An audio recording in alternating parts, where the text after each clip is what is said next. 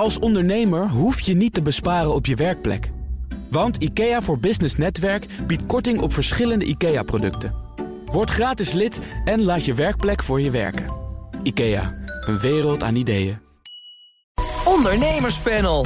De nachtclubs gooien op 12 februari de deuren open... en ondernemers verwachten dat het personeelstekort een aanhoudend probleem blijft, volgens het UWV. Dat en meer bespreek ik in het ondernemerspanel met Eduard Schaapman van Tribes... en Alinda Wit, managing director van Love Every Europa. Inderdaad. Fijn dat jullie er zijn. Nou, gezellig. Om te beginnen met jullie eigen nieuws. Eduard, wat is dat? Ja, ik had, ik had iets eh, opgegeven wat eigenlijk heel saai was. Dus ik verander mijn nieuws. En dat komt omdat ik denk, we moeten positief beginnen vanmiddag bij Thomas. En wat is er op dit moment aan de hand? Vijf minuten over één. De Olympische Spelen zijn geopend. En is dat iets om optimistisch over Dat te is worden? heel optimistisch, want iedereen krijgt toch uiteindelijk een positieve vibe van sport. Of een positieve test en dan mag je niet meedoen. Ja, dat is natuurlijk wel jammer. Maar gelukkig zit Nederland er nog goed bij. Hè? Geen positieve test, daar ben ik heel blij mee. Het enige wat ik van jullie eigenlijk wil weten is... hoeveel medailles gaan we halen? Oeh, de medaillespiegel nog voordat we begonnen zijn. Ja, Ja, dat hangt er toch een beetje vanaf wie er wanneer mag aantreden. Ik zeg acht gouden medailles. En totaal? Dat is belangrijk natuurlijk toch uiteindelijk in dat klassement. Want inderdaad, Ze- 17. de analytici zeggen zes gouden en 21 totaal. Heb jij nog een idee wat het gaat worden? Ik gooi het ook op Eigenlijk echt 21. niet. Wa- Wat hebben we de vorige keer gedaan? Hoeveel? 20. 20 jaar geleden? Ja. Ik, ik heb er, ben eigenlijk Je gaat, ook, geen- je, gaat ook niet, eh, je gaat ook niet echt elke dag kijken, geloof ik, hè, Nee, d- nee. Ja, wij wel. Hè. Op alle vestigingen hebben we alweer de Olympische ceremonie. We zijn allemaal aan het kijken wie er gaat te winnen. Jolof Olaf Kos komt een dagje kijken. Dus eh, we zorgen wel dat het er weer eh, Morgen half tien, leuk hè, wordt. 3000 meter voor vrouwen. Ja, dan kunnen we beginnen. 5000 meter voor mannen. Ja, het wordt ik weer hou- wat hoor. Ik hou het allemaal in de gaten. Goed zo. Eh, ik weet niet of jij er wel aan toe komt, want jij bent in de band van een spelletje, toch? Nee, ja, dat, ehm, ik weet niet, ken je het spelletje Wordle? Ik ken vooral de nieuwsberichten omtrent Wordle van de laatste tijd. Want het, het is overgenomen, toch? Ja, het is overgenomen door de New York Times eh, deze week voor een aantal miljoen. Ja, in En- de lage zeven cijfers, Ja, geloof ik. dus wat zal het zijn? Twee of drie? Ze zijn er niet heel transparant Doe ik het over. Eh, en het is dus een lingo-spelletje wat bij ons in ons team elke dag gespeeld wordt. Een eh, Amerikaanse developer heeft dit ontwikkeld ergens in oktober, november voor zijn vrouw. Dus de audience was NS1 zijn vrouw en het is dus helemaal viral gegaan. Ehm, Ik vraag me dan af, hè, misschien kunnen jullie daar uit persoonlijke ervaring iets over zeggen. Maar wanneer weet je dat je de jackpot hebt? Hè? Want in, in oktober gelanceerd, november vorig jaar 90 gebruikers. nu miljoenen wereldwijd, overgenomen door de New York Times. Wanneer weet je dat? Hoe, hoe krijg je dat voor elkaar? Nee, op een gegeven moment eh, eh, zorgde, toen voegden ze die, eh, die toevoegingen toe voor Facebook en andere social media platforms. En toen is het natuurlijk heel snel gegaan. Omdat allemaal mensen in mijn omgeving met wie ik vroeger gestudeerd heb, bijvoorbeeld, die ik al jaren niet gesproken heb, zag ik dat soort dingen delen. Van oh, ik heb de Wordle van de dag geraden. Nou ja, ik denk als dat gebeurt, eh, zit overal je ter wereld, dan Ah. zit je goed. En dan heeft eh, de New York Times het overgenomen voor, laten we zeggen, een paar miljoen. Dat staat wel vast. Maar hebben tech-experts al laten weten... je kunt eh, het makkelijk offline blijven spelen. Ja. Dan hoef je niet te betalen voor de New York Times. Dat het dan mogelijkerwijs achter een betaalmuur zet. Je kunt de code gemakkelijk overnemen... en dan ben je nog voor zes, zeven jaar gewoon geramd voor Wordle. Is het dan een slimme investering van de New York Times? Nou ja, mooie marketing. Lijkt mij ook Marketingcampagne de van 2 PR-waarde miljoen. van, PR-waarde. Ja. PR-waarde. Ja. Ik denk dat er, eh, afschrijven. als je kijkt naar de actie van de nachtclubs, iets meer aan de hand is dan alleen maar PR-waarde. 12 februari, dan gaan ze weer open. Vanaf 9 uur zijn de feestgangers dan welkom. En dat is niet voor één keer. Nee, zeggen de meeste nachtclubs. Dat blijven wij dan dagelijks doen.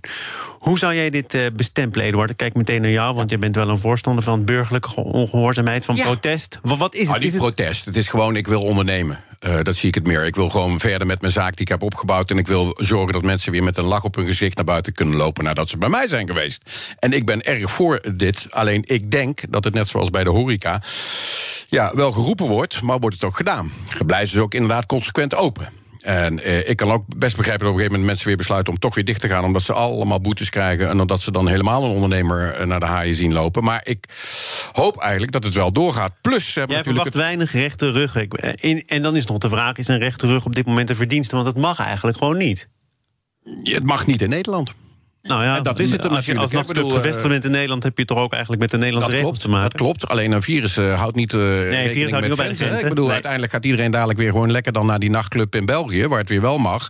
Of eh, carnaval vieren, wat ook al zo'n onderwerp is, naar België. Dus we gaan weer heel veel omzet die eigenlijk toekomt aan Nederlandse ondernemingen, dadelijk met de carnaval wegdraaien naar België. Dus willen we dat wel? Of kunnen we niet gewoon zeggen, joh, hup, we gaan weer vol open, net zoals Schotland, Engeland, Zweden, Noorwegen, Denemarken. En we gaan gewoon weer normaal doen. En we gaan gewoon weer met z'n allen doen waar we goed in zijn. En dat is elkaar ontmoeten, ondernemen en veel plezier hebben. Linda? Nou, het is misschien een beetje saai, maar ik ben het volledig met je eens. Eh, over de kerstvakantie zat ik zelf in een vliegtuig naar Spanje... omdat ik helemaal klaar was met deze situatie in Nederland. Met dus het hele vliegtuig zat bomvol, vol met Nederlanders. En we komen daar aan in Barcelona. De terrassen zijn open, restaurants zijn open. Het leven bruist weer.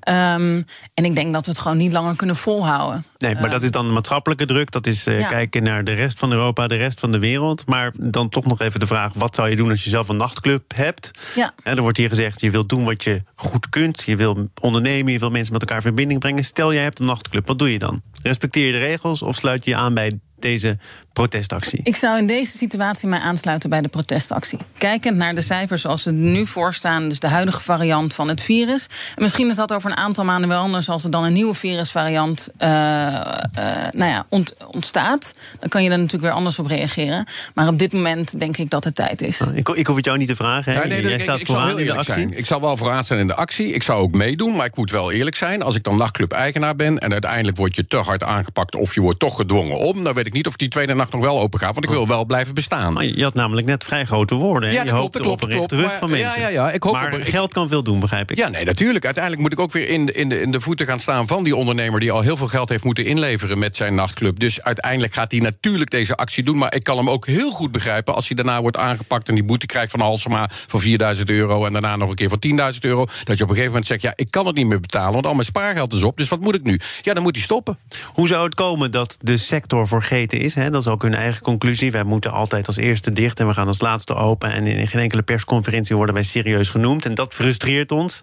Het is nu genoeg geweest. Maar hoe zou het komen dat bijna iedere lobbyclub toch wel ergens een succesje heeft geboekt de afgelopen twee jaar? Nou, dan moet je, dan moet je niet. kijken naar wie maakt het beleid. En dan komen die mensen in een nachtclub... en gaan die wel eens naar de bioscoop en gaan die wel eens naar het Zou theater. het echt zo simpel zijn? Zo simpel is Nou, het. ze zouden heus wel eens naar het theater gaan. En is dat dan ook de verklaring dat het theater nu, het tot tien uur, wel iets meer mag? Ja, eh, ik denk het wel. Ik denk dat er inderdaad nu een staatssecretaris op zit... die er ook echt keihard voor heeft gevochten. Ik moet wel zeggen, in dit nieuwe kabinet zijn er wat meer mensen... Hè, net zoals de minister van Economische Zaken... die nu ook het debat aangaat met inderdaad het nachtclubleven. Die roept nu ook van... ja, ik probeer het maximale eruit te halen voor de ondernemers. Dus ik wel- ben wel blij met de nieuwe invulling... van een aantal ministers en Wat staatssecretarissen. zou dat kunnen betekenen voor de actie? Want eh, de nieuwe eh, minister van Economische Zaken, mevrouw Adriaansens, heeft inderdaad gezegd: ik ga nog om de tafel met Ja. deze branche. Eh, burgemeester Halsema van Amsterdam heeft volgens mij hetzelfde gezegd. Dat is nog allemaal voor de actie van 12 februari. Zou er iets gezegd kunnen worden eh, waardoor deze ondernemers denken: dan laten wij het zitten? Ja, financiële steun. Ja, Dat is het enige. ja, dat lijkt mij ook. Maar ik hoop het niet, voor ons allemaal. Ehm, maar tegelijkertijd ben ik dus ook wel... Want wat ik me wel afvraag, nu we twee jaar verder zijn... we hebben volgens mij hoeveel miljoenen er in die Field Lab eh, experimenten geïnvesteerd? Waanzinnig veel. Ik geloof iets van totaal 310 miljoen. Dus dat is nogal Ja. een bedrag. En dat hebben we allemaal geïnvesteerd. En uiteindelijk heeft iedereen En gevraagd... waar wat zijn kan de het bedrijfsleven doen? conclusies? Ja. Nou, er zijn conclusies, maar die worden niet nageleefd. Nee. Of het experiment er niet helemaal volgens de juiste wetenschappelijke voorwaarden zijn uitgevoerd. Kortom, daar wordt te weinig mee gedaan als je kijkt naar wat erin geïnvesteerd is. Ja, Nou ja, en ik denk ook, de, als, je, als je hoort wat de nachtclubs zeggen... daar zit ook een kern van waarheid in. Hè? Ik woon in het Gooi. Nou, eh, dan fiets je dus 's avonds, zaterdagavond... nog eens een keer eh, op je fietsje door dat Gooi heen. Nou, dan zit elk tuinhuis vol met 25 tot 30... eh, inderdaad lekker feestende scholieren en studenten. En jij wordt nergens meer uitgenodigd, Nee, ik niet. Ik ben veel Nee. te oud. Nee. Er is totaal, totaal geen controle. En wat zeggen die nachtclubs? Weet je wat? Wij gaan het heel goed doen. Wij gaan de boel controleren. We gaan die corona-check doen. We gaan alles doen. En dat kan je dus wel dan veel beter door dit soort zakelijke ondernemers laten doen. dan dat je het allemaal maar loslaat. Ik bedoel, bij mij op een camping was er van het weekend een feest met 300 mensen. Ik heb geen boa gezien. Of ze waren allemaal verkleed als boa. Nou, laten maar we het over de BOA's en de politieagenten hebben. Rondom een festiviteit waar je misschien wel alles moet loslaten. Anders kan het gewoon niet. Carnaval. Niet alleen de clubs die uh, willen open. Kroegen in het zuiden vinden ook dat als de horeca open is, carnaval gewoon moet doorgaan. En over uitzondering op de coronamaatregelen had Dylan Jezilgus, dat is de minister van Justitie en Veiligheid, het volgende te zeggen. Ja, ik geloof niet dat uh, corona dat soort uitzonderingen maakt. Dus ik zou niet weten hoe we dat dan kunnen uitleggen. Volgens mij moeten we kijken, gezien de geldende maatregelen, die natuurlijk gekoppeld zijn aan de besmettingscijfers en de druk op de zorg ook.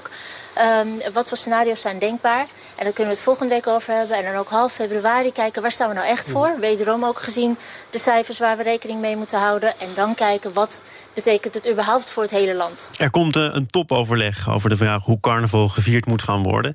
Maar de inzet van BOA's en politieagenten is al duidelijk. Dit moet niet ons probleem worden. Zometeen worden wij geconfronteerd met massa's mensen die vaak beschonken zijn. En dan moeten wij daar gaan proberen orde in te scheppen.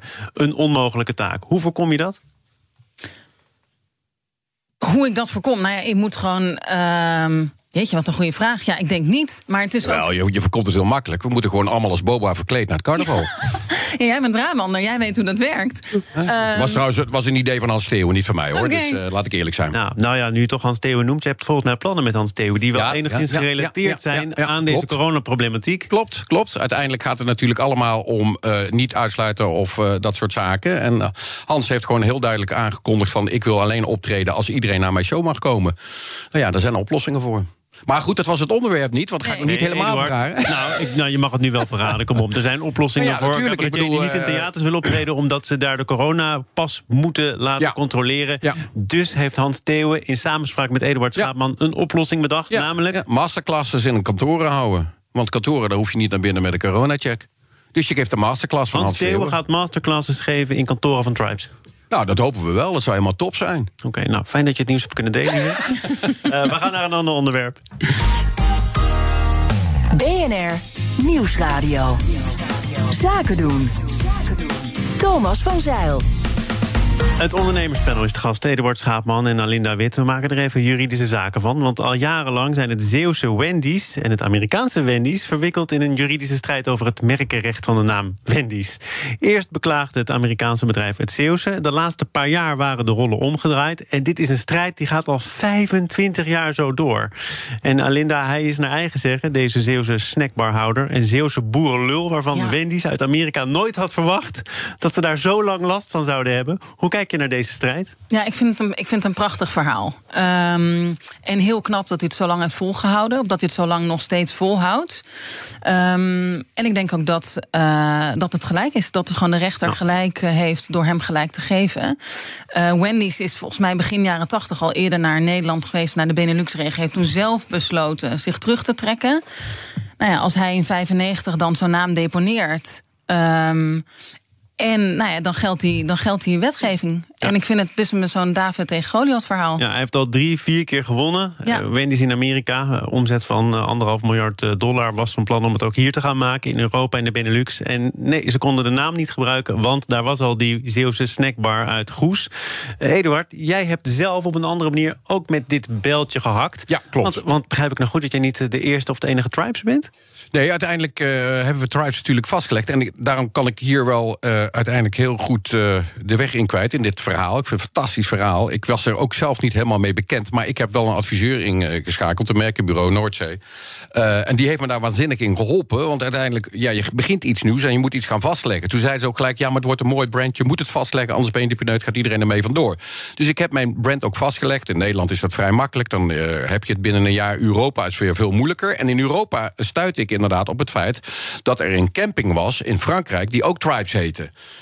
Nou, oh. Uh, dus er was al een Tribes? Ja, er was een Tribes en die had dat vastgelegd. Ja. Dus uiteindelijk uh, ja, zou dat tot een probleem uh, gaan komen. Dus ik ben gewoon in gesprek gegaan met deze hele vriendelijke campinghouder. En ja, daar ben ik helemaal uitgekomen na een paar flessen ja. mooie rij, wijn. En we hebben een goed gesprek gehad en het was akkoord. Ja, dus met een goed gevulde gaan. portefeuille, denk ik dan. Nee, nee, nee, een paar glazen goede wijn. Gewoon uitgelegd hoe het zit. Ik kan uit. Nee, je moet natuurlijk het verhaal wel goed, commercieel vertellen. Uiteindelijk, als die naam beter bekend wordt, Tribes, dan komen ze vast veel meer naar jouw camping toe. Dus je moet het gewoon goed uitleggen. Ach ja, echt waar, want hier gaat het inmiddels over miljoenen. De rollen zijn omgedraaid om het verhaal nog even af te maken. Want het Amerikaanse Wendy's had nog wel een vennootschap of twee in Nederland. Ja, klopt. En daarvan dacht de Zeeuwse snackbarhouder... luister eens, als het mijn naam is... dan geldt dat ook voor de vennootschappen Ja, nee, van Wendy's. nee.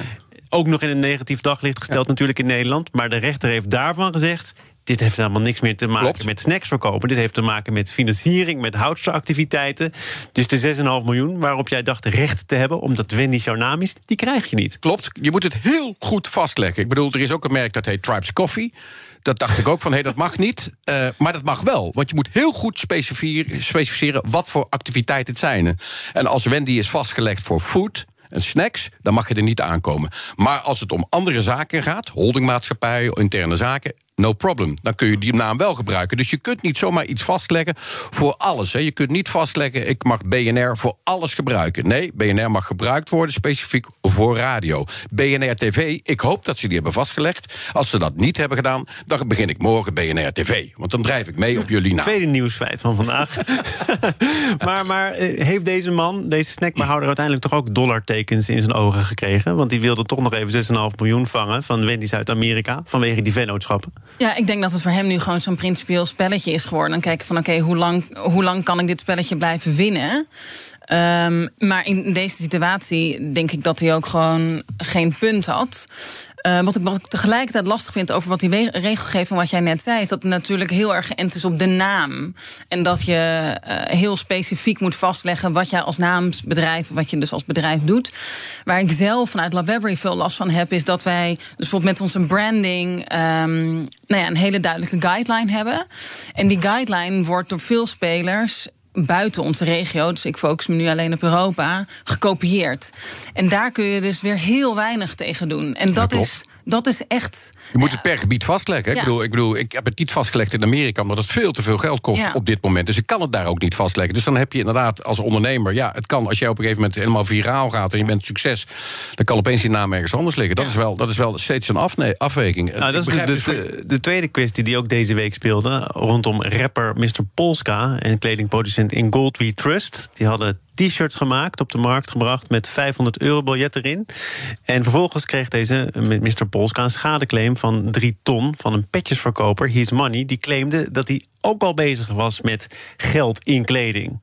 Had hij al gedaan, hè, daarvoor. Had hij al gedaan, inderdaad. En de gedachte van deze ondernemer was... hey, ze hebben het van mij gepikt. Ja. De rechter heeft gezegd, nou, dat idee is onvoldoende uitgewerkt. Het is niet van jou. Nee, het is niet beschreven. Het is niet Nee. volledig beschreven. En je moet iets volledig beschrijven. Wil je inderdaad dat kunnen claimen? En dat is in dit geval niet gebeurd. Overigens vond ik het ook een zaak waarvan ik had gedacht van... oké, als ik die petjes had gedaan en deze man was met dat t-shirt gekomen... ik had hem eens gebeld en gezegd, wat een topactie man. Laten we Koop nou eens iets positiefs. Koop mij, Ja. koop mijn petjes erbij. Ja. Of doe voor mij even een lekkere rap en laten we het onderling oplossen. Je Maar moet wanneer, nooit wanneer naar de weet je dat je voldoende gedaan hebt? Want je kunt toch patent aanvragen? Jij krijgt te maken met copycats. Ja. Eh, Het is gewoon te duur, te ingewikkeld om het allemaal vast te leggen. Ja, het is duur, ingewikkeld. En tegelijkertijd ook op die Wendy's man terugkomend. Ik ben benieuwd of hij is blijft slapen. Mij kost het heel veel energie. En op een gegeven moment moet je als ondernemer natuurlijk ook na gaan denken: van ja, waar wil ik op focussen? Op de positiviteit, op het groeien waar ik goed in ben, in mijn regio waar ik me op focus. Of op al die externe die een graantje mee willen pikken. Ehm, nou ja, We gaan eh, naar een ander probleem dat misschien wel tot slapeloze nachten leidt. Namelijk het personeelstekort. Werkgevers verwachten dat de personeelstekorten alleen maar nijpender worden. Blijkt ook uit onderzoek van het UWV. Verbazingwekkend, Eduard? Ja, het is weer hokjes denken. Dus het is voor mij verbazingwekkend dat iedereen gaat roepen... oh, we hebben een ongelooflijk groot tekort aan personeel. Want dat is niet zo. Oh, werkgevers moeten ook een oogkleppen afzetten... en kijken wat voor mensen kunnen er allemaal voor mij werken. Eh, ik heb, eh, verleden week heb ik een dame een onbepaald contract gegeven van 65 jaar. Dus die was helemaal blij. Denken wij allemaal zo? Of denken we gelijk van, oh nee, die is te oud, dat moet ik niet doen, eh, daar ben ik bang voor. Of kijk eens nu wat ze ook roepen van, oké, meer migratie, eh, we hebben inderdaad mensen uit het buitenland nodig om te werken. Sorry, er zijn al genoeg mensen uit het buitenland, maar je moet wel met ze in gesprek om te kijken of jij ze een baan kunt geven. Maar waarom heb je deze mevrouw van 65 een baan gegeven? Top- Om- omdat, je het, omdat je het een mooi voorbeeld vond? Omdat het de beste ik vond kandidaat was? Gewoon de dame op zich was fantastisch. Doet al heel goed werk voor mij. eh had een bepaald contract. En uiteindelijk ga je na drie keer inderdaad door naar een onbepaald contract. Een ondernemer kan dan ook Okay, maar ze was al binnen, begrijp ik. Ja, ze was al binnen. Maar ja, eh, er zijn heel veel ondernemers die dan zeggen... ja, 65 jaar, ik ga Mhm. geen bepaald, onbepaald contract geven... het is veel te veel risico. Nou, je, dat soort dingen moet je wel doen. Want er zit, je moet dus niet meer gaan kijken naar verpakking... wat heel veel werkgevers doen. Naar kleurtje, geurtje, hoe oud ben ik? Ben ik een vrouw, een mannetje? Vrouwenquota, al dat soort dingen. Nee, je moet gaan kijken naar die inhoud van die medewerker. Hoe goed is die? En dat is niet Dat, is toch niet helemaal, dat zal toch niet voor iedereen even nieuw zijn? Je kijkt toch wel altijd ook naar de inhoud van een kandidaat? Nou, eh, ik heb maar af en toe mijn mijn twijfels. Ik bedoel, eh, kijk naar dat vrouwenquota. Ik bedoel, eh, wordt er dan specifiek gekeken... Hebben we kijk naar het kabinet. Wordt er dan specifiek Nou, gekeken... waarom zit Ik denk dan... wel dat er ook een goede vrouw in het kabinet zit. Absoluut, maar zitten ze wel op de goede post? Oh ja, maar dat kun je ook- van mannen waarom zit de dame die nu niet op Defensie zit... maar van Defensie komt, Binnenlandse Zaken... waarom zit die dan niet op Defensie? Ik ga even naar de, de vrouw in dit panel. Ja. Alinda. Succes ik ben ermee. het wordt niet met jou eens. Dus uit, uit eerste, ik heb op dit moment zeven vacatures openstaan. Ik ben anderhalf jaar geleden begonnen met zero brand bekendheid. Toen kreeg ik op vacatures drie keer meer ehm, kandidaten dan op de vacatures die ik nu live heb staan. En als ik dan met kandidaten praat. ehm, dan krijgen ze ook, dan, dan stellen ze hele andere voorwaarden. Dus mensen willen 40, 45 vakantiedagen. Mensen willen een aantal, aantal maanden per jaar vanuit eh, Kroatië, Slovenië, whatever werken. Ehm, en dat vind ik, enerzijds wil ik daar als werkgever in meegaan, want de tijd is veranderd sinds deze corona-epidemie. Maar anderzijds wil ik, het, wil ik ook een hele goede cultuur opbouwen. ehm, die ik ook, vind ik, gewoon geaard moet zijn hier in Amsterdam, daar waar ons hoofdkantoor staat. Eh, en ik worstel daarmee. Eh, met die vragen over bijvoorbeeld die 45 vakantiedagen. Als ik de beste kandidaat heb gevonden. Ja, ik kan niet mijn hele team opeens 45 vakantiedagen gaan geven. Maar ik wil wel die developer in huis halen. Neem je toch meer mensen aan?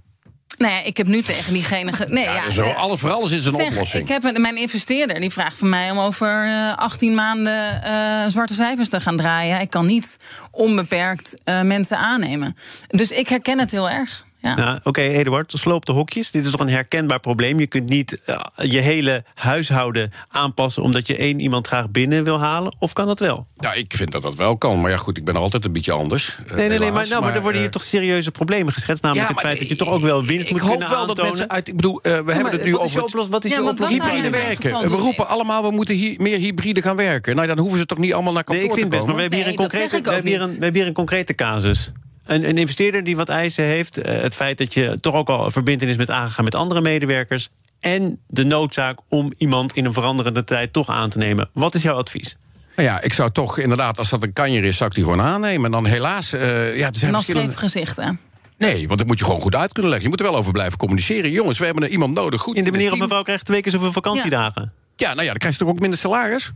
Nee, dat niet. Ah, ik heb ja, een heel nee, aantrekkelijk. ja, dus ja, ik heb wat ik gezegd heb: van oké, je krijgt bij mij 10, 15 procent meer dan je vorige dienstverband.